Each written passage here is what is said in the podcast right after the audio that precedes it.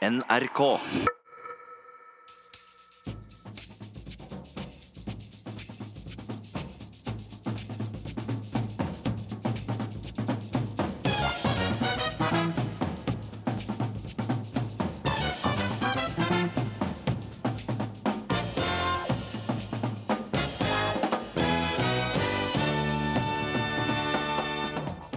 Kjersti Fjelstad fikk sjokk da NRK ved en feil meldte at faren var død. Etter NTBs kongetabbe denne uka kommer minnene tilbake, både for henne og journalisten som gjorde feilen. De møtes for første gang her i ukeslutt. Bergenserne spleiser for å redde sykkel-VM fra underskudd. Vår sjanse til å gi tilbake etter en eventyrlig folkefest, mener initiativtaker.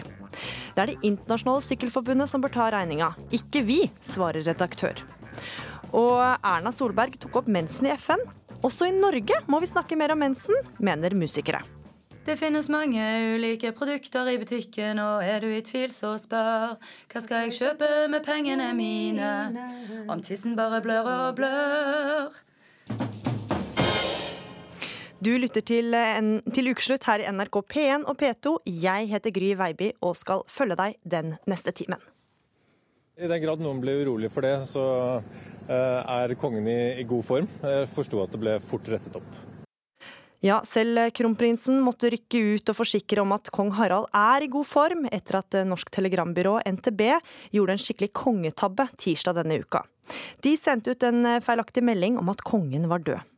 Men det er ikke første gangen høyst levende mennesker blir meldt død av media. Willy Brandt døde. Unnskyld, er det var ikke meningen. Vi er tilbake igjen klokken 21 på gjensyn.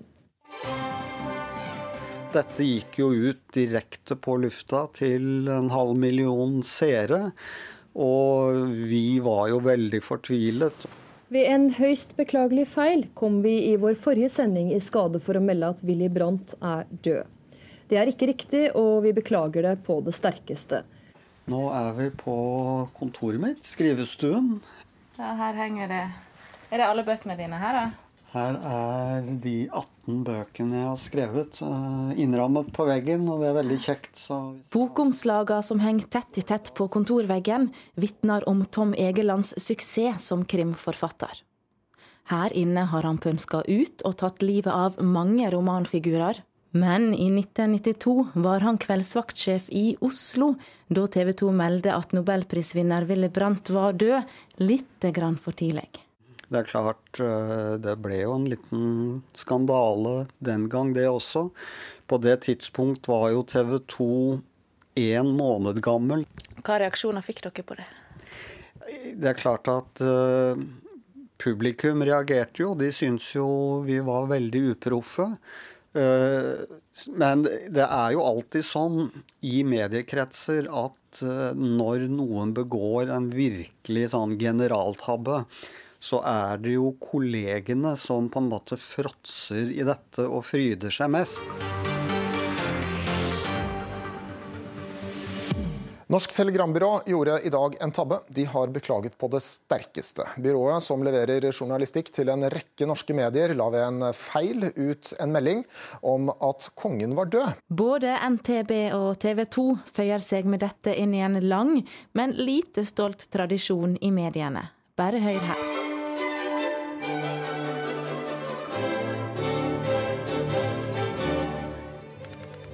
Her i NRK melder vi på nett at Yasser Arafat var død to uker før han faktisk døde. Og en uferdig nekrolog over arbeiderpartikjempen Håkon Lie var også på NRK sine nettsider før han var død. Dette er for jævlig! Elendig amatør! Klossmajor! Kjøtthue! Talentløse drittunge! Han reagerte visst ikke like strengt som rollefiguren Egon Olsen, Arve Oppsal, da VG-nett ved en glipp i 2005 erklærte at Oppsal var død, noe han da ikke var. Internasjonalt kan CNN smykke seg med en mulig rekord i nekrologtabber samtidig. For i april 2003 kunne lesere klikke seg inn på de uferdige nekrologene til Fidel Castro, Dick Cheney, Nelson Mandela, Bob Hope, Gerald Ford, pave Johannes Paul og denne mannen. I, Ronald Reagan, do solemnly swear that I will faithfully execute the office of President of the United States. Alle var fremdeles i live. The Sun har erklært prins Philip sin død. Nyhetsbyrået Bloomberg publiserte en 17 siders nekrolog over Apple-grunnlegger Steve Jobs før hans død. Og bare denne veka ble Jon Fredriksen meldt død av nettstedet USA Radio. Det stemmer heller ikke. Et langt liv i norsk presse har gitt Per Egil Hegge mange gode historier. Vi hadde en historie som gikk i avis i redaksjonen i Aftenposten om at det var en mann som ringte og sa med en litt barsk stemme min eh, nekrolog står i avisen i dag. Det er jo sjelden en god innledning på en samtale. Men min kollega var ifølge historien da snarrådig og sa unnskyld, hvor ringer de fra nå? Det, det må jo være det helt riktige spørsmålet med en sånn anledning. Har du sjøl tatt livet av noen i, i presseforstand? Ja, det har jeg gjort. eh, Men det, det var noen koreanere. Eh, Jeg oversatte feil da jeg var på Det var lærling i NTB. eh, For det sto at tolv tolv stykker var blitt avskjedet, «Well fired. Og jeg var ikke så god i engelsk den gangen, så jeg oversatte det med at de var skutt. Hei, Andrea. Mats, hyggelig. Et par dager etter den store glippen møter vi sjefredaktør Mats Yngve Storvik i NTB sine redaksjonslokaler. Her har vi da selvfølgelig nyhetsdisken. Akkurat nå er det vel kanskje litt eh, stille før stormen, i den grad det blir en storm i dag. Det vet man jo ikke. Ikke like stor som på tirsdag. Nei, nei, vi får iallfall ikke som er iscenesatt av oss. Du er sikkert lei av dette spørsmålet. Men hvordan kunne dette skje? Ja, det lurte vi òg på med det samme det skjedde. I dette tilfellet her så ble jo da eh, omtalen av kong Harald en type omtale som vi har på mange kjente personer i Norge. Som man forbereder og er klar til at det eventuelt skjer noe. Den ble oppdatert helt sånn rutinemessig. Og idet den ble lagra, så så ble det da dessverre trykka på feil knapp. Men det finnes fortsatt en nødbrems å dra i, og problemet er bare at den nødbremsen den virka ikke det, eh, i det vedkommende dro i den, eh, sånn at eh, saken gikk ut. Kan du egentlig se for deg eh, en verre tabbe når man først kan melde at noen er død, at det er kongen? Det er vel ikke det. Altså det jeg tror dette er sånn som jeg har fanga det opp, jeg har vært så lenge i NTB, men så er det dette man har sett for seg de verste scenarioene kunne skje da. Tom Egeland han, eh, han sier at andre medier elsker å fråtse i når andre medier eh, gjør tabber. Merker du noe av det på tirsdag? Jeg har ikke lyst til å bruke ordet fråtse, men vi har nok sett en utvikling i, i Norge hvor, eh, hvor man i andre medier er blitt mer opptatt av å påpeke kollegers eller skal vi si konkurrentene sine feil. Og det eh, har jo egentlig flere sider. Det har jo en positiv side også, fordi eh, den fjerde statsmakt, hvem, skal på en måte eh, føre tilsyn med, med den? Eh, og det har jo gjennom årenes løp vært eh, mange som har tatt til orde for at mediene må bli mer kritiske mot hverandre. fordi at eh, det har vel egentlig vært sånn at man har vært veldig kollegial. Eh, og så kan man jo selvfølgelig diskutere har pendelen gått for langt eller ikke. Så skjønner jeg veldig godt at eh, alt som handler om kongen, skaper stor oppmerksomhet uansett eh, hva det dreier seg om. Det er alltid ille å gjøre feil, men dette er jo egentlig en gladsak. Kongen lever. Kongen lever. Det er en, det er en gladsak. Alt gikk egentlig bra til slutt. Kongen er i live. Eh, Da kan man kanskje tillate seg det og, og se litt humoristisk på det. Og så er det et alvor bak det som vi jo selvfølgelig har tatt eh, tak i, sånn at det ikke skal skje igjen. Det sa sjefredaktør i NTB Mats Yngve Storvik til reporter Andrea Kvamme Hagen. Og som du hørte her, er det ikke første gang noen blir meldt død ved en feil. Anniken Schjøll, i 1985 var du journalist og ansvarlig for ettermiddagsnyhetene i NRK Østlandssendingen, da du meldte at skuespilleren Jack Fjelstad, kjent fra bl.a. filmen Ni liv, var død. Men det var han ikke. Hva var det som skjedde? Det kom en uh, veldig lang NTB-melding. Uh, unormalt uh, lang, tror jeg. Uh, det sto at Jakob Fjelstad var 70 år.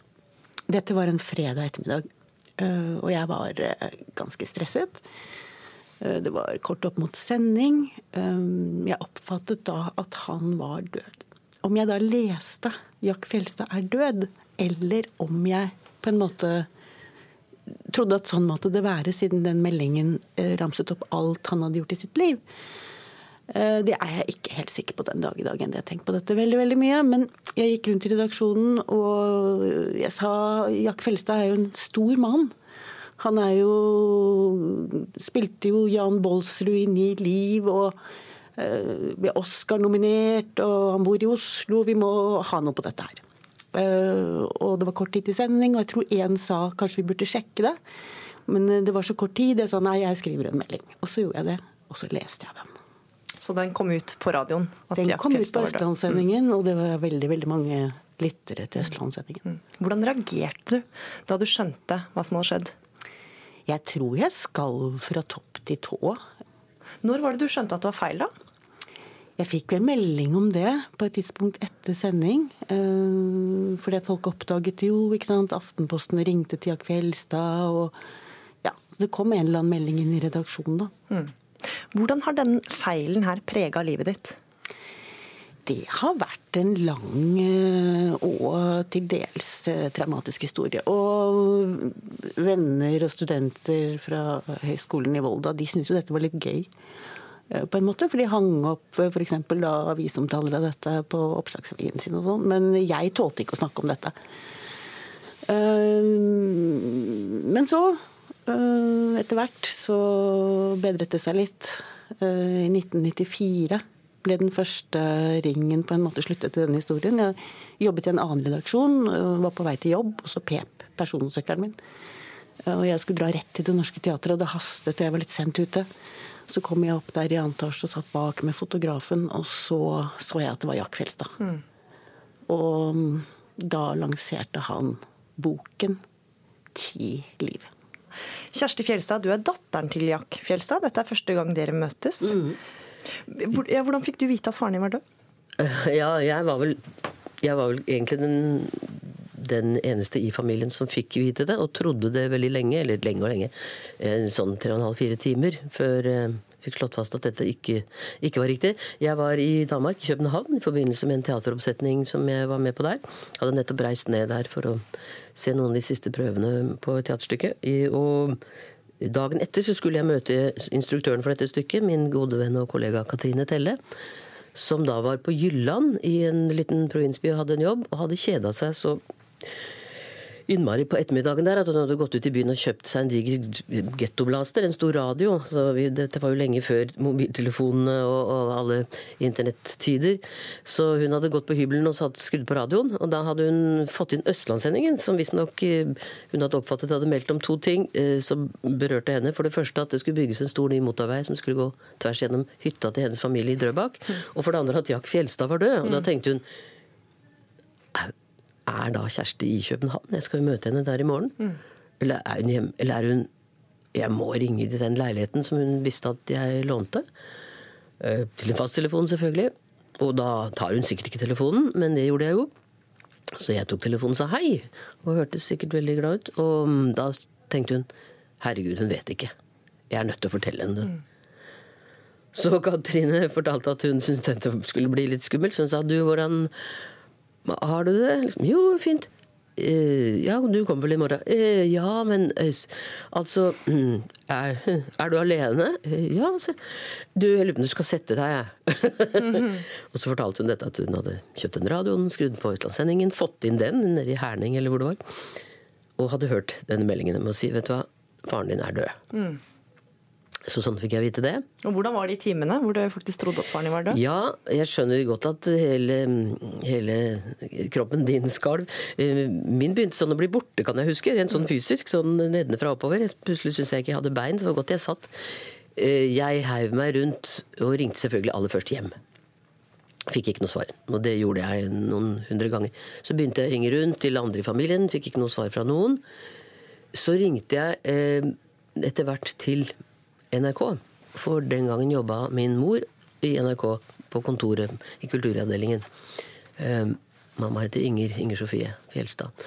Og um, der fikk jeg heller ikke noe fornuftig svar, men jeg tror jeg ble satt over kanskje til vakta eller noe sånt. I hvert fall fikk jeg etter hvert snakke med en mann som jeg dessverre nå ikke husker navnet på, som sa at for ikke så mange timer siden så så jeg din mor og far spise middag sammen i messa i NRK. Og da tenkte jeg å herregud, da er de døde begge to, da. ja. For da forestilte jeg meg at de hadde mm, Han henta ofte mamma, eh, og så hadde de sikkert kjørt hjem. Og så Jeg begynte selvfølgelig straks å se for meg akkurat hvor denne store bilkollisjonen hadde skjedd. De må jo også krysse i Oslo. Og da tenkte jeg da nei. Da, ja, for ingen svarte noe sted, og ikke hjemme, og ja. Så eh, gikk det ca. tre og en halv time, ja, godt og vel. Så ringte jeg atter en gang hjem. Og hjemme i huset til mamma Jack, eller vi, brukte navnet på faren min, broren min og jeg, eh, så um, hadde vi en telefon som vi hadde delt med en grandtante i nabohuset. Så det, det, var en sånn gammel dingsboms på veggen man kunne slå over. Så det enten ringte bare hos oss, bare hos henne, eller hos begge. Eh, det viste seg at, at de hadde gått hjem, mora og faren min, og tenkte de skulle sove litt middag. Så de hadde slått over telefonen. Slik at uh, den ikke ringte hos dem. Mm. Og da de endelig sto opp etter en middagskveld og skrudde på, så ringte det jo veldig, veldig veldig mange. Og da jeg ringte, så tok mamma telefonen og sa hei. Så da fikk du bekrefta ja. at han faktisk var i live? Ja, først at hun var i live, selvfølgelig. Og så, så ham. Men uh, men nå kunne man jo faktisk i dag eller i går da brukt det gode gamle klassiske utropet 'Kongen er død, leve kongen'. Men eh, ja, jeg tror og mener at eh, Jack tok det ganske Han tok det i hvert fall ganske sporty med en gang. Han tok det godt. Ja. Sjøl, hvordan var det, er det å høre denne historien fra datteren? Jeg, jeg kjenner den historien, for den sto i boken til Jack Fjelstad. 'Ti liv'. Mm. Uh, og denne episoden i Østlandssendingen står på side 266. Mm. uh, og ja, denne boken har ligget i kjelleren i hele livet mitt, og jeg har alltid visst hvor den lå. Mm. Uh, og jeg kan se for meg redaksjonen i Østlandssendingen den ettermiddagen for 32 år siden. Og jeg vet akkurat hva slags belysning det var, hvor telefonen sto, skrivemaskinen. Mm. Um, så det er, det er, litt ille å høre historien om igjen Å stå frem med sine feil. Det er ikke noe folk uh, liker å gjøre. Mm. Men fortell, eh, fortell, igjen hvordan det møtet med Jack Fjelstad, når du fikk truffet han igjen ni år etterpå, hvordan var det?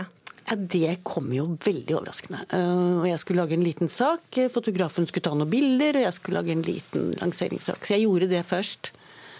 Og så sa jeg etterpå at jeg må opplyse om at det er eh, jeg som gjorde denne feilen. Og så skrev han da en liten hilsen i den boken, mm. hvor det står 'tilgivelse'. Med vennlig hilsen Jack. Mm. Mm. Tenkte du noen gang på dem som meldte faren din død? Å oh, ja. ja, jeg gjorde det. For når du hører hvordan eh, denne historien har preget hennes liv, ja, mm, så gjør det egentlig enda mer inntrykk. Eh, ja, jeg ja, Hyggelig å møte deg nå, da. Jeg trodde du var sånn svartsmuska, arrete, skikkelig skummel en lapp for øyet. Nei da, jeg trodde selvfølgelig ikke det. Nei, men eh, det, Ja, det, jeg, jeg, føler det jo nå. Altså, det er interessant. Det ligger jo Når vi snakker om det nå, så, ja, så får man en annen følelse i magen og beina. Mm.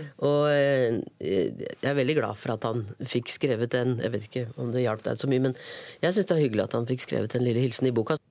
Kjersti Fjelstad og Anniken Sjøl, takk for at dere kom til ukeslutt. Om litt blir det om pengeinnsamlinga til eh, sykkel-VM, men aller først bergenske Gabrielle med fem fine frøkner. Og Hosianna, Venusjalem, fem fine frøkner skal aldri dra hjem. Lyden av noe som slipper oss fri. Vi har ikke penger, men vi eier allting. Og vi trenger ikke verden, for meg og deg er verden. Vi trenger ikke verden, for meg og deg er verden. Lyden av noe som slipper oss fri. Vi har ikke penger, men vi eier allting.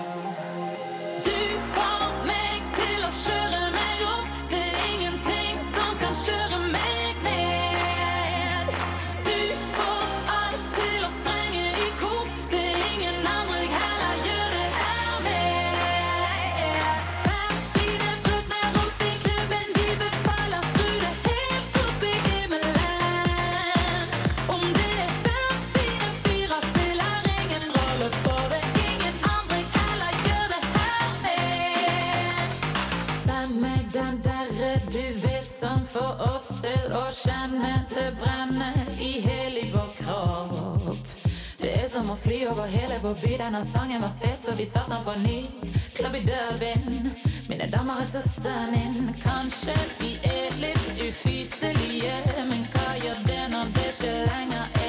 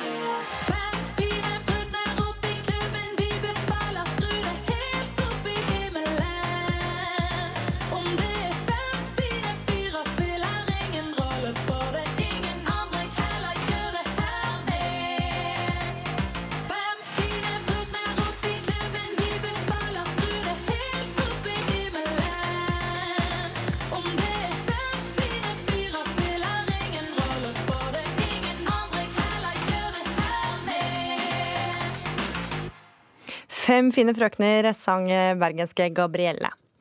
Pengene strømmer inn til Sykkelforbundet. For bergenserne starta selvfølgelig kronerullingsaksjon for å prøve å redde det som kan bli et dundrende underskudd etter sykkel-VM i Bergen. Og den som satte i gang det hele, det var deg, Kristin Solhaug. Hvorfor gjorde du det? Eh, nei, jeg tenkte vi hadde hatt en helt fantastisk eh, opplevelse og forestilling i over en uke i Bergen og på Askøy og i Øygarden og Sotra, og jeg tror at eh, alle Når vi hørte det at de, selvfølgelig dette koster mye penger, og jeg tror at alle hadde Veldig, veldig mange hadde lyst til å gi litt grann for den opplevelsen. For det var helt fantastisk. Men det var jo, dette er jo et stort eh, forbund, det er jo Sykkelforbundet. Hvorfor trenger de penger fra vanlige folk? Nei, det kan du si. Men eh, jeg tenker at litt, noen kroner har vi alle råd til å betale for den opplevelsen. De som var med på dette, syns det var utrolig positivt. Jeg har fått så mange gode tilbakemeldinger. Ja, Hva sier folk til deg om innsamlingsaksjonen? De, de syns det er helt supert. Tipp topp. Det er så mange som er så så glad for at vi har fått det i gang, og er mer enn villige til å gi. Så det er helt, helt supert. En som ikke syns det er like supert, det er deg, kulturredaktør i Bergens Tidende, Frode Bjerkestrand. Riktignok så kaller du den folkelige givergleden for usedvanlig vakker, men du er likevel skeptisk. Hvorfor det? Nei, altså, For det første vil jeg si at Kristin er en eh, eksempel på det aller beste i Bergen. Det er helt nydelig at hun startet denne aksjonen, at hun fikk i gang og fikk mobilisert denne begeistringen til noe konstruktivt i etterkant. Det syns jeg er helt fantastisk. Men- Eh, Så det er ikke det jeg er skeptisk til. Det er måten Sykkelforbundet håndterer dette på, og jobben Sykkelforbundet har gjort i forkant og i etterkant av dette sykkel-VM, jeg er mer skeptisk til. For det får en litt sånn bismak når vi vet at det er en kjemperessurssterk eh, aktør her som eh, kanskje ikke har gjort en god nok jobb til å hente inn penger på forhånd. eh, Og som da får en sånn folkeaksjon i fleisen etter sykkel-VM er over. og kanskje ikke, Det er jo ikke vanskelig å vite hvordan man skal håndtere noe sånt. da.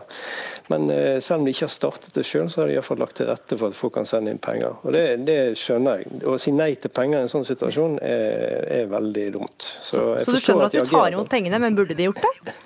Ja, jeg syns de skal ta imot pengene. Men det er, jeg syns Sykkelforbundet bør gjøre, det å bruke denne folkeaksjonen og denne fantastiske sykkelfesten i Bergen til å øve press på sine sjefer i det internasjonale sykkelforbundet. For det folk kanskje ikke er klar over, det er at eh, Bergen, sykkel, altså Bergen 2017, som dette selskapet heter, de skal altså betale 7 millioner euro for lisensen for å arrangere sykkel-VM. Det er rundt 60 millioner kroner. Det utgjør nesten halvparten av budsjettet til Mm. sykkel-VM i Bergen. Så hvis jeg hadde vært sykkelpresident, så hadde jeg tatt alle pengene i Bergen og all den godviljen og den fantastiske sykkelreklamen som ble laget der, og reist til UCI, som det heter, og sagt at eh, vi fortjener en dugelig rabatt. Ja, sykkelpresident Harald Tidemann Hansen, du sitter og humrer her i studio. Her fikk du jo en direkte oppfordring, da. Er det, skal dere gå og be Det internasjonale sykkelforbundet om litt penger?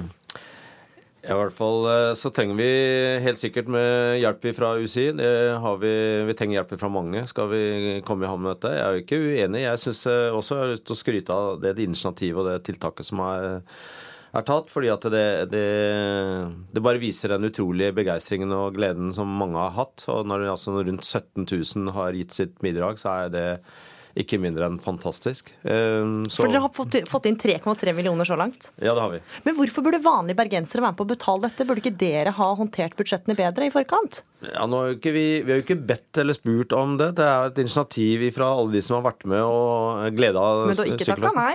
Nei, det, og det sier jo alle her, og det vil jo være veldig dumt å ikke gjøre det. Eh, Men jeg tror det er flere aktører her som vi trenger å snakke med i etterkant, når vi har fått den totale oversikten. Så Sykkelforbundet kommer til å få en, eh, Det internasjonale sykkelforbundet får en telefon fra deg? Ja, Nå sitter jeg jo der sjøl, så jeg må måtte ta, jeg kan ikke være, sitte der og være inhabil. Jeg må, eh, det er viktig at jeg, vi, vi håndterer det på en god måte. Ja, Bjerke Strand, har- Jeg kan jeg bare si noe? Jeg synes det, det burde egentlig ikke være noe problem. For det, altså, Jeg tror ikke sykkelsporten, som har slitt med omdømme i flere tiår nå, jeg tror ikke de har fått en større opptur siden Lance Armstrong satt sin første dopingsprøyte. Og Dette sykkel-VM i Bergen var noe sykkelidretten og Sykkelforbundet også internasjonalt trengte. Det er verdens beste reklame, ikke bare for byen Bergen, men for sykkelidretten og for det folkelige engasjementet rundt den idretten. Dette er ikke bare verd goodwill, det er også verd en hel haug med penger. Eh, Så jeg, jeg syns det er veldig rart hvis ikke Sykkelforbundet kan være mer offensiv i forsøkene på å få UCI til å gi dem en saftig begeistringsrabatt. Jeg er jo ikke uenig med deg, bare så det er sagt. Eh, Men kommer du til å være litt mer offensiv? Jeg, først og fremst har jeg sagt hele tiden, jeg ønsker å først få den fulle og hele oversikten, og så skal vi eh, gå på de aktørene vi mener kan være med og bidra til at vi, vi kommer i havn. Men Bjerkestrand, tilbake til vanlige bergensere. Altså, folk sier jo jeg, jeg gir gjerne penger for en uke med gratis opplevelser. Er ikke det en god nok grunn da til å kunne være med på et spleiselag? Jo, visst er det det. Det er helt nydelig. Og det, det er jo et tegn for, for Det er jo veldig fint. Altså, det er et tegn på takknemlighet og en øredøvende begeistring, som bergenserne er veldig gode på. Eh, også fordi at eh, de ser at eh, Jeg tror også mange tenker på at eh, de vil ikke at den fantastiske opplevelsen skal ha en slags dårlig ettersmak. Altså en slags sånn eh, De må ikke fisle ut i en sånn økonomisk skandale her, for det, det vil ikke se bra ut. For du mener det er det typisk bergensk, dette som skjer nå? det er vanskelig for meg å si. Altså, jeg tror både Trondheim og Stavanger kunne mobilisert den samme entusiasmen. Det er gode og svære sykkelmiljøer også i andre steder i Norge. Men er, den spontaniteten her eh, er kanskje noe veldig bergensk over. Og det, det har de omsatt i, i rene kroner og ren støtte til Sykkelforbundet. Det er jo, må jo være ganske rørende. Er du enig i det, eller Kristin Solhaug, at det er typisk bergensk å samle inn penger? Det kan godt hende. Det var jo ganske spontant, dette her, men det har vært, eh, vært veldig veldig positivt. Vært veldig, veldig kjekt.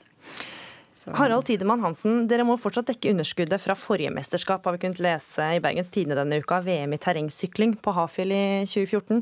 Kan du garantere at pengene fra denne kronerullinga går til bergensarrangementet? Ja, det kan jeg garantere. Men det som er viktig er at vi, Norges Sykkelforbund er jo ikke et stort forbund. Vi er jo knapt et lite fotballforbund eh, å sammenligne. Eh, så vi er en eh, liten organisasjon og liten, eh, lite forbund. Så sånne øvelser altså Nå vet jeg jo at i idretts... Eh, idrettsmeldinga for noen år som kom for noen år siden, ønsker jo Norge store mesterskap. Um, og da er det jo også greit at man eh, er med på å se på hvordan man kan finansiere det. Og Så du sender oppfordringa videre du, til politikerne? Nei, jeg synes i hvert fall at Hvis vi skal arrangere store, med store arrangementer i Norge, på lik linje sånn som dette VM, og både VM i Hafjell og VM her, så må vi ha en annen finansieringsmodell enn det sånn som er. Det er altfor stor risiko for et lite forbund. Vi skal ikke ta akkurat den finansieringsmodellen her, men Bjerkestrand, mange foreslår at man heller kan hjelpe hotellene og butikkene eller restaurantene gå ut i dag, kjøpe seg noe, sitte på kafé. Er det en god idé? Ja, jeg syns det er en god idé. Jeg syns folk alltid skal gjøre det. Jeg går og drar til Bergen sentrum og koser seg. Det er en fantastisk fin opplevelse. Men altså, sykkel-VM blir jo først og fremst knyttet til arrangøren, altså selskapet Bergen 2017 som arrangerte dette, som søkte. Så alle disse folkene som har gjort en fantastisk jobb for å få sykkel-VM til Bergen. Og en slags honnør til alle de, som, alle de frivillige. Det er fantastisk. 2000 frivillige og sånn vanvittige som var med å, å gjøre dette til en, et kjempearrangement. Eh, så det er nok først og fremst det som har ligget eh, fremst i pannebasken på de fleste, tror jeg. Men jeg håper jo virkelig at folk oppdager hvor fint og greit det er å være ute i Bergen og komme dit som tilreisende og tilbringe tid der og oppleve alt som Bergen har å by på. Det er veldig fint. Harald Tidemann Hansen, hvor gjør du selv litt da? Jeg gir 1000 kroner. Og Eh, hva vil du si til alle bergenserne som nå vippser dere penger? Du, tusen, tusen hjertelig takk. Jeg, vi er strålende for, selvfølgelig takknemlige for alt som kommer inn. Her hører du Kristin Solhaug, du får skryt. Ja, det er veldig bra. Tusen takk. Det er helt topp. Topp til deg og Bjerkestrand. Takk for at dere var med i Ukeslutt. Frode Bjerkestrand, Kristin Solhaug og Harald Tidemann Hansen. Du hører på Ukeslutt, fortsett med det. Den neste halvtimen spør vi hvordan en bokmesse i Gøteborg har ført til at fullt av nazister kommer til byen. Og han fikk meg til å bli stolt av kroppen min. Modell og tidligere playmate Lillian Müller minnes ekskjæresten Hugh Hefner, som døde denne uka. Men først skal vi til Gøteborg, der nazister fra den nordiske motstandsbevegelsen har varsla at de skal marsjere i byens sentrum. Politi over hele Sverige er på plass i byen, der også 10 000 motdemonstranter har sagt de vil komme. Og reporter Mathias Ogre, du er med oss fra Gøteborg. Hva skjer der du er nå? Akkurat nå så står vi ved motdemonstrantene der vi nå venter på at, eh, at nazisten nazistene skal gå forbi. Det er også flere tusen mennesker som har møtt opp ved området Heden i Göteborg. Eh, De er da, de står omtrent 50 meter fra der nazistene skal. Det er snakk om eh, at det er politiet for å Nå hører vi deg litt dårlig, Mathias Ogre. Kan du ta telefonen nærmere munnen din? Vi hører helikopter, i hvert fall. Hei! Vi, eh, vi kan prøve en gang til. Vi prøver en gang. Står nå i hvert fall eh, Står nå i hvert fall Hva skjer nå, Mathias Ogre?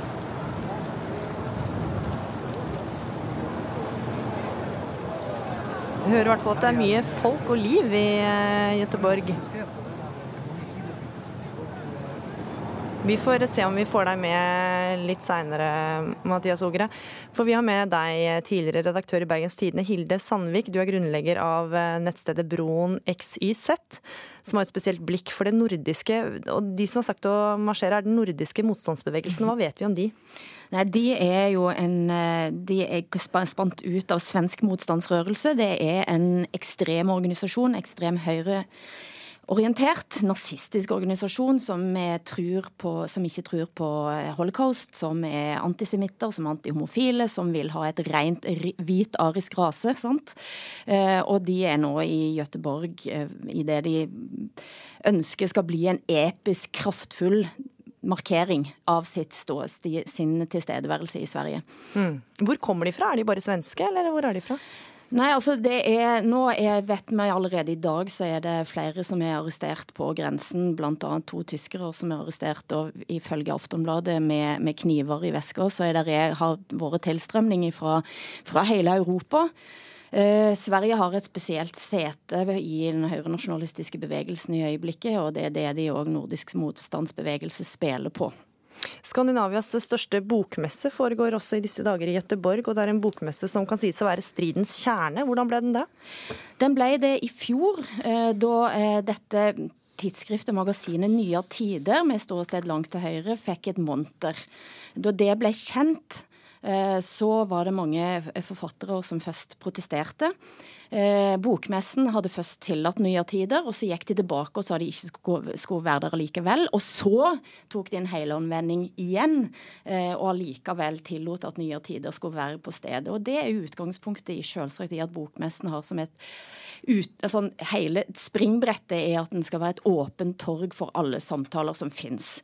Eh, og de skjønte sjøl at hvis de skulle stoppe Nye Tider, så måtte de òg gå inn og, og se på andre, f.eks. Altså, eh, forlag Det er langt venstresiden som ga ut håndbøker i, i hvordan en skulle utøve eh, eh, venstrevold, eh, annet. Altså, eller eller fins det noen eh, bøker som, som taler mot homofili? Altså Plutselig så ble det en ganske problematisk situasjon, og det skjønte de, og snudde igjen. Eh, og så førte det til en, eh, rett og slett et gryende opp opprør i år. Eh, flere, Det begynte med at det er 200 forfattere skrev under på et opprop mot eh, at de ville være på bokmessen i det hele tatt. Det økte til 2000 forfattere. Og i dag så arrangeres ikke bare én bokmesse i Gøteborg, men tre alternative bokmesser i tillegg, som starter omtrent parallelt med denne bokmessen nå. Nye tider er på plass. Eh, eh, Vavrasuk, som er den ekstremt kontroversielle redaktøren av Nye Tider, intervjuer på Sveriges Televisjon, eh, men blir ikke invitert i andre debatter. Og det er et, ingen tvil om at nordiske motstandsrørelsen piska i dette opprørte havet da de la demonstrasjonen sin ganske tett inntil der bokmessen er nå i dag. Hmm. Det er også en stor fotballkamp på stedet der nazistene må avslutte demonstrasjonen sin. Ja, og, og på toppen av det hele så ville de òg marsjere rett forbi synagogen, der det er Jom som feirer Jon Kippur i øyeblikket. Og det, som, det førte jo òg til en stor, uh, stor diskusjon, selvsagt. Uh, synagogen ønska ikke at denne marsjen skulle gå rett forbi synagogen. Den ble da flytta, hvorpå da altså nordiske motstandsrørelsen svarer med, hvis en går inn på deres nettsider, Nordfront, der det pågår en livesending i øyeblikket, så har de saker med titler som at nå er det jøder som skal bestemme hvor svensker får lov til å demonstrere. Mm. Eh, så dette her er, det er ganske harde og, og, ubehagelige kamper som pågår i Gøteborg i dag. Og Vi skal tilbake til Gøteborg. Reporter Mathias Ogre, du er med oss på telefon. Går det bra med deg? Eh, ja, jeg er fint. Jeg står her nå og venter på der, eh, der eh, kontakten kan forekomme da, mellom motdemonstrantene og der nazistene skal ha sin demonstrasjon. Hvor mange er det som er der hvor du er nå? Det er vanskelig å si, men hvis jeg skal gjette, så vil jeg tro at det har møtt opp 2000-3000 eh, motdemonstranter minst. De står på et eh, idrettsområde som heter Heden i Göteborg. Eh, det er da atskilt fra der den motstandsbevegelsen skal ha sin, skal ha sin marsj med, med gjerder. Så det er slik politiet da håper å atskille disse demonstrasjonene. Hvor mange nazister er det som har møtt opp, da? De varslet jo at det skulle bli så mange som 1000, men eh, vi kom jo derfra nå. Det, vi så aldri at det mer enn kanskje om lag et par, par hundre stykker, så det ble ikke så stort som de, de da hadde håpet. Men foreløpig så har det jo gått veldig gemyttlig for seg. Det har vært, veldig, det har vært to uh, rolige demonstrasjoner, men det er jo akkurat her det kan oppstå opptøyer, og det er her det er aller flest politifolk på stedet nå også. Når er det demonstrasjonen er venta å bli ferdig, eller være ferdig? Altså, de har lov til å holde på i dag fram til klokka tre. De skal gå forbi det området vi står nå, og videre ned til, en, eh, til, et område der de skal få lov å holde taler og da holde appeller.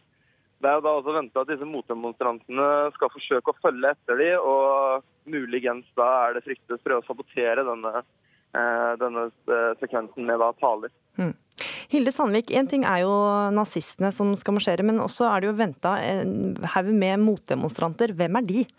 Det er gått busser med såkalt antifa, antifascistisk eh, bevegelse, både bl.a. fra Oslo òg, men òg fra Tyskland og andre eh, europeiske land.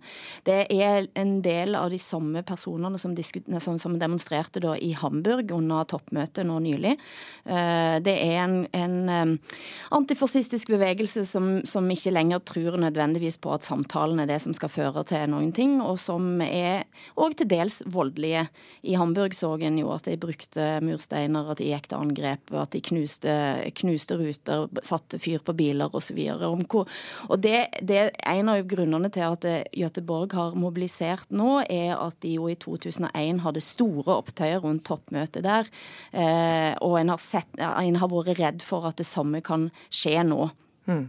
Vi kommer til å følge denne saken utover eh, på NRKs plattformer utover dagen. Takk for at du var med, Hilde Sandvik, grunnlegger av Broen XYZ. Og takk til deg også, Mathias Ogre, reporter i NRK.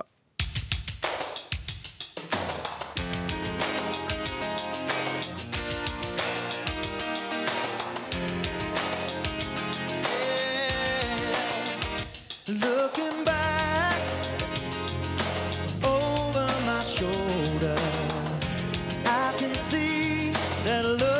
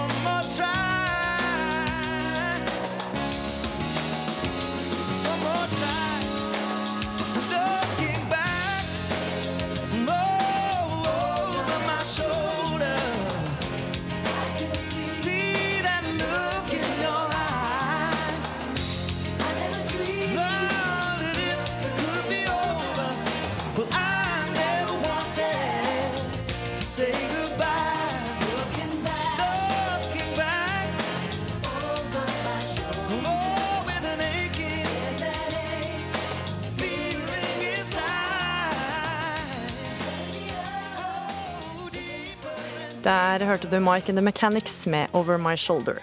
This makes it difficult for girls to handle menstruation with dignity. Thank you. Ja, du hørte riktig. Statsminister Erna Solberg snakka om mensen i FN. For i mange land er det å få menstruasjon en grunn til at unge jenter slutter på skolen. De mangler toaletter og vaskemuligheter eller oppleves som skitne. Men også i Norge bør vi snakke mer om mensen, mener komiker Lisa Tønne. Kan jeg snakke med deg om mensen? Uh, nei. Det er jo bare gris. Kan jeg snakke med dere? Hva er det du vil vite? Jeg vil snakke om dere, med dere om eh, mensen. Ja, ok, nei, Jeg vet, vet ingenting om det. Jeg har ikke noen gang hatt det. Ukeslutt har sendt meg ut med et litt pinlig spørsmål. Hallo. Trenger vi egentlig å snakke om mensen? Vil du se på mine mensenting? Her har jeg nattbind. Elsker nattbind. Det, altså jeg har jo så mye mens nå. Jeg blør liksom så innmari mye i to dager, og så er det liksom over. Men da er det Da er det jerntabletter. Komiker Lisa Tønne står over en vidåpen baderomsskuff. Jeg blir jo like overrasket hver eneste måned. Og jeg har ganske regelmessig menstruasjon. Og allikevel så er det altså et sjokk for meg hver gang. Og gjerne sånn en uke i forveien så er det sånn Nei, nå kjenner jeg litt på at det er veldig dårlig stemning her. Altså, nå føler jeg at det er noe Nå syns jeg det er lenge siden vi har snakket sammen. Nå må vi sette oss ned og så altså er det sånn Å ja, jeg skulle ha mensen. Og jeg kan få lov til å tulle med det selv. Ikke sant? Det jeg ikke vil, er at det skal bli brukt som en hersketeknikk. Det er for dumt. ikke sant? Komiker Tønne mener statsminister Solbergs tale i FN var viktig fordi mensen er så skambelagt i mange land. Hvor man liksom har kommet så kort, da, hvor en del kroppslige ting er såpass stort eh, tabutema og skambelagt fortsatt at jenter og kvinner ikke kan være sammen med andre mennesker når de har mensen, for da er de skitne. Ikke sant? Kom deg opp i fjellene. Sånn er det jo ikke. Det er jo ikke sånn her i Norge. Alle må ikke dra på Røros når de får mensen. Det er flere enn Tønne som vil at kvinners syklus skal få en større plass, også i norsk offentlighet. Vi kaller oss for Bergen Mensen. På en nettvideo kan vi se dommerne i Norske Talenter på TV 2 bli flaue og lattermilde. Altså rett og slett dere synger om mensen. Ja.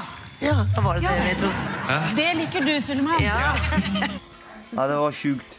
Åtte måneder er gått, og dommer og danser Suleman Malik ser på videoen. Det er tydelig at han og meddommer og DDE-vokalist Bjarne Brøndbo sliter når de hører på Bergen Mensband. Tusen takk. TSS er en sjelden, men alvorlig sykdom som skyldes en bakterie.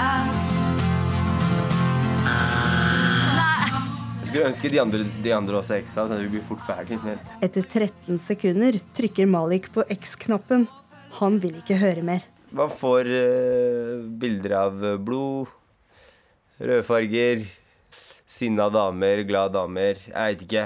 Mye rart. Uh, man skal ha entertainment, ikke uh, dette her, altså. De kunne opptredd for eh, apoteket eller et eller annet sånt. da hadde det vært greit, du skjønner. Det finnes mange ulike produkter i butikken, og er du i tvil, så spør. Hva skal jeg kjøpe med pengene mine? Om tissen bare blør og blør. Så den er jo litt fin. Kristina Holmefjord og Linn Akre Tveit synger fortsatt. De mista på ingen måte motet av at Bergen Mensband røyk ut av Norske Talenter i vinter. Det så jo ut som Bjarne Brøndbo syntes det var kjempeflaut. Ja.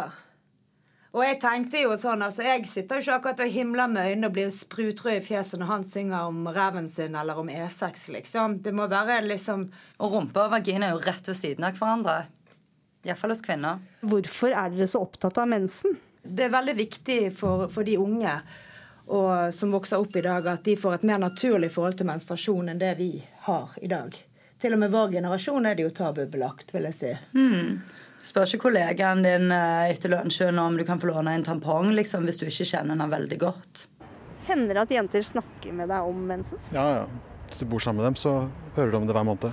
Eh, det blir ikke så mye sex denne uka.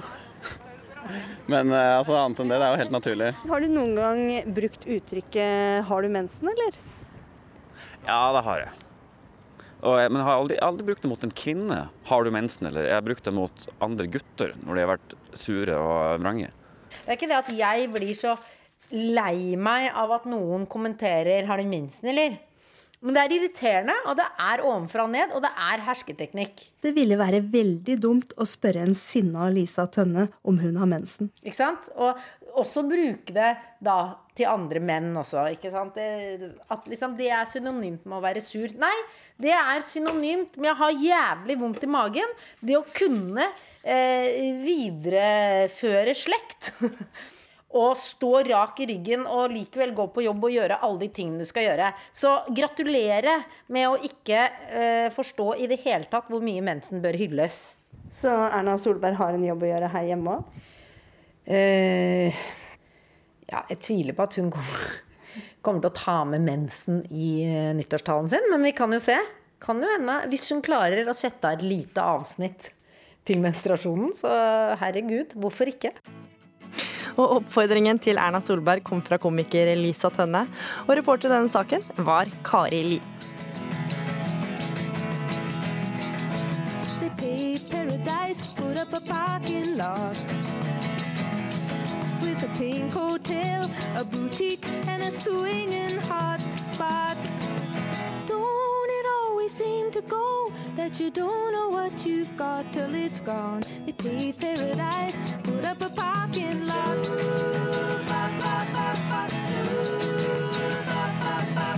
They took all the trees, put them in a tree museum.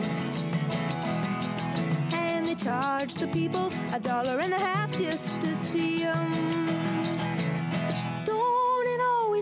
To go that you don't know what you've got till it's gone? They paved paradise, put up a parking lot.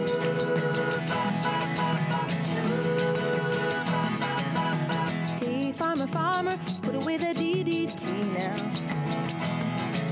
Give me spots on my apples, or leave me the birds and the bees.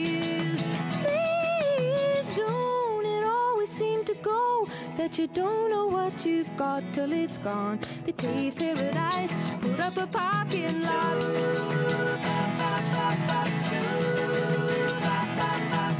Late last night, I heard the screen door slam.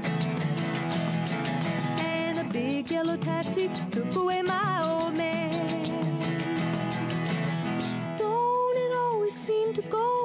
That you don't know what you've got till it's gone? They paved paradise, put up a parking lot. I said, don't it always seem to go that you don't know what you've got till it's gone? They paved paradise, put up a parking lot. They paved paradise, put up a parking lot. Up a parking lot. Big Yellow Taxi med Joni Mitchell. I'm Hugh Hefner, your host. This is Barbie Benton. This is Connie Kresge, our Playmate of the Year, and you arrived just in time. Med rød slåbrok og pipe og med en dame på hver arm. Det er vel sånn mange av oss husker eh, Hugh Hefner. Denne uka gikk eh, forretningsmannen, best kjent for å ha grunnlagt bladet Playboy, bort, 91 år gammel. Og Lillian Müller, du var kjærestemann. På hvilken måte forandra han livet ditt? Uh, jeg kom fra England. Jeg hadde vært fotomodell i England den gangen jeg traff han, ca. et år. Og så ble jeg invitert til Amerika, han personlig faktisk, for å være uh, covergirl for hans blad Playboy og Midtsidepige. Og innen et, uh, seks måneder så var vi kjærester, og så flytta jeg inn på Playboy Mansion i Los Angeles. og ble Playmate of the Year. Ja, det starta en eventyrlig karriere faktisk, som har fortsatt helt til nå. Så jeg har veldig mye å takke han for, for det var han som åpna de dørene eh, fra begynnelsen av min karriere som jeg gikk gjennom. Og hadde det ikke vært for han, så hadde jeg vel aldri vært i Amerika, og aldri hatt min datter, og aldri vært Mm. skuespiller osv. Men han var jo kjent fra mange damer, og det var vel en av grunnene til at det også ble slutt mellom dere? Ja, jeg hadde sikkert lest i alle, alle sladrebladene i Norge. jo, det var, det var på grunn av at jeg var veldig veldig glad i han. Jeg ble veldig forelska. av en av de jentene som ikke var sammen pga. hans berømmelse og hans penger og sånne ting. Um, og du blir veldig glad i en mann, iallfall meg, er veldig mono, monogami Heter det det på norsk? Mono, Du er veldig monogam. monogam, ja. Mm. Jeg vil ha han for meg sjøl, og og han ville jo ha meg for seg sjøl, så da var det jo urettferdig at jeg fant ut etter hvert at han hadde andre damer på sida og sånn, ikke var hjemme og sånn, så jeg ga han et ultimatum, og det kunne han ikke si ja til, med andre ord, så da fikk jeg han ikke for meg sjøl, og så måtte jeg bare gå videre etter et års tid. Mm. Men dere, siden, siden har dere vært nære venner, og datteren ja. kaller han jo for Uncle Hugh. Ja, nei, Det er ingen av oss som er nære venner med, med, med Hugh Hefner som kaller han for Hugh. Han heter jo Hef, da. Han heter Hef, ja. Ja, det, det er så rart ut for meg når jeg kommer til Norge når folk kaller han Hugh. Hugh. For han heter Hef. Nei, så han ble faktisk min Jeg hadde jo ingen familie i Los Angeles, så etter hvert så ble jo han min familie der. Og etter hvert som min datter ble født for nesten 27 år siden, så ble han onkel Hef, og så ble det jo at vi var der mye på jul og thanksgiving og, og nyttår og sånne ting. Så det er faktisk blitt vårt andre hjem. Det var Playboy Mansion i Beverly Hills. Mm. Mange mener jo han var med på å gjøre kvinner til et objekt. Hva, hva sier du til det? Du, jeg har aldri følt meg som noe objekt. jeg. Jeg mener, Selv om jeg har vært den som har vært Playboys mest publiserte Playmate og de er covergirl i alle disse årene, og jeg, tror jeg har ni Playboy-cover og 40 internasjonale og sånne ting, så har jeg aldri i grunnen følt meg som objekt. Eh, du vet det at det du You know, what do they say? Uh, it's all in the eye of the beholder. Mm. Så hvis du tenker på den måten der jeg mener Når du ser på Playboy som en dame, ikke sant? du ser jo på Playboy-damene eller de sidene inne i Playboy på en helt annen måte enn kanskje en mann vil se på det. Så det har jo med absolutt med den personen som ser på bildene. Og jeg føler det at Playboy har vært en veldig For meg syns alt det var stilig, det var class, det var ikke pornografi i det hele tatt. Og i Amerika har det vært det mest kjente mannfolkbladet, altså når det er Coffee Table-blad, som har lagt på bord i, i familiehjem opp gjennom alle år, og det har aldri vært noen negativitet i forbindelse med Playboy. Overfor meg, iallfall. Ja, Personlig. du, du sier også at han fikk deg til å bli stolt av kroppen din, men følte du aldri på et visst kroppspress i det miljøet du var i der? Altså Det var jo et, eh, det ble jo etter hvert et, eh, et visst kroppspress. fordi at jeg har når, du, når du fortsetter å være playboy i 30 år, og ikke, ikke pensjonerer det, holdt jeg på å si, så er det jo klart at etter hvert når du skal være playboy i så mange år og gjøre så mange forsider og sånn som meg, så hadde jo fått meg til å holde på figuren min. Spise sunt, mosjonere, tenke positivt og alt det her for å ha en, ha en sunn livsstil. Men det har jo vært bare positivt på andre deler av mitt liv. Men selvfølgelig OK, det har jo vært et, en del kroppspress, for du kan ikke posere i et sånt blad hvis ikke du er i god form. Men, det er jo bare positivt, syns jeg, å ha det presset på seg at det må være i form. Men Lillian Miller, hva var det som gjorde at kvinner falt fram? Han hadde jo mange damer, var han jo kjent for. Altså, for meg, var, Han var 51, og jeg var, jeg var 24-25 år når vi var sammen det året der. Han var supersjarmerende, han var flott å se på. Han var virkelig sånn Don Juan, og han var veldig gentleman, han var en veldig romantisk person. Unnskyld. Han var en veldig sentimental person. Han var en veldig um, betryggende person. Han hadde god sans for humor. Det var mange grunner til at damene falt for han, pluss da at han at han, han levde jo den Playboy-livsstilen, og det var jo sikkert mange damer som likte å være med på Playboy Mansion og, og kjøre rundt i hans sorte jet med Bunny-logoen på. Det var jo mange ting som fulgte med da, Hugh Hefter. I tillegg til at han var en fantastisk mann og et godt menneske. Mm, Hva kommer du til å savne mest nå, da, nå som han er borte? Ja, altså Sist når jeg så han for seks måneder siden, da hadde vi en veldig eh, sentimental øyeblikk, faktisk. fordi at eh, når jeg kom inn på soverommet hans, han sa det i, i rullestol og sånn, og hadde det veldig vondt. Så tenkte jeg å Herman, jeg må gi han noe, for han har jo vært så fantastisk både for min karriere og mitt personlige liv i over 40 år. Og da hadde jeg tilfeldigvis et hjerte i eh, veska mi som min datter hadde gitt meg til jul. Det var et mørkeblått krystallhjerte. Så jeg tok det opp og så, og så sa jeg, this is my heart. This is, this is the symbol of our, our, you know, friendship and love through all these years. And I just want to give it to you, and I want you to keep it forever. Og så ga jeg det hjertet, så holdt han det, han, og så så han på det og sa, Lillian, my God, why the hell are you giving me a black heart? så det var jo han, det viser jo at han hadde sans for humor, selv om han var veldig dårlig den dagen. der. Men jeg var så glad etterpå når jeg gikk derfra, at jeg hadde fått gitt ham det hjertet. Og i forgårs, når min datter sendte meg en mail på Facebook når jeg sto på morgenen at Hef, onkel Hef has died, mom. Den, du kan jo tenke deg sjøl at jeg var veldig, veldig Jeg tenkte på det at jeg ga han det hjertet siste gangen jeg så han, og da er det jo klart at jeg følte en slags veldig lettelse. At jeg hadde iallfall fått uttrykt helt i det aller siste tida før han døde, at, at jeg var veldig glad i han, og jeg satte veldig pris på vennskapet. Og jeg satte veldig pris på hva han hadde gjort for meg i mitt liv. Lillian Müller, takk for at du fortalte din eh, historie her i Ukeslutt. Vi skal over til en værmelding, Siri Wiberg. Ja, det skal vi. Og nå var det jo litt tårer her, og det er mye vått eh, vær i vente i sør. Eh, Det har kommet veldig mye nedbør eh, allerede på Sørlandet. Og det kommer veldig mye til. Og flomvarslingen har nå gått ut med rødt nivå. Det er det høyeste de varsler. Vi venter fortsatt 100 millimeter stedvis i Agder nå det neste døgnet. Og så blir det en liten pause ut på søndag før det igjen kommer ny nedbør. Så der eh, blir det voldsomt eh, vær eh, nå de neste dagene, og folk må være obs på dette. Det er jo allerede oversvømmelser mange steder. Og I tillegg til mye regn, så blir det også en god del vind fra sør og sør-øst, med periodevis kuling utsatte steder. Og det gjelder egentlig hele Sør-Norge med den kraftige vinden. Og i morgen så øker det nok på, spesielt i morgen kveld, til opp i en sterk kuling på Vestlandet og kan hende storm i fjellet. Og det blir regn i resten av Sør-Norge også, men lite i de østlige strøkene. Eh, Hvis vi tar Nord-Norge, så er det et helt annet vær. Her er det tørkerekord i Tromsø for september. Det har kun kommet fem millimeter nedbør i løpet av hele september. Eh, Det fortsetter med stort sett eh, oppholdsvær og en god del sol i Nord-Norge. Det vil blåse litt også her, spesielt sør for Bodø, med sørøstlig opp i en eh, stiv kuling på utsatte steder. Men det blir altså mye pent vær, litt mer skyer i grensetraktene og i Finnmark. På Spitsbergen her blåser det fra sør og øst med periodevis liten kuling og litt spredt regn i morgen. Opphold. Ukeslutt er slutt. Ansvarlig for sendingen Ann-Kristin Livold.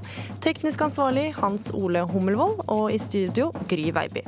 Hvordan er det å tilbringe dag ut og dag inn på et par kvadratmeter? Kan man gå på do når man vil? Hvordan er det å være isolert? Bli med inn på cella i norske fengsler i Røverradioen på NRK P2 straks.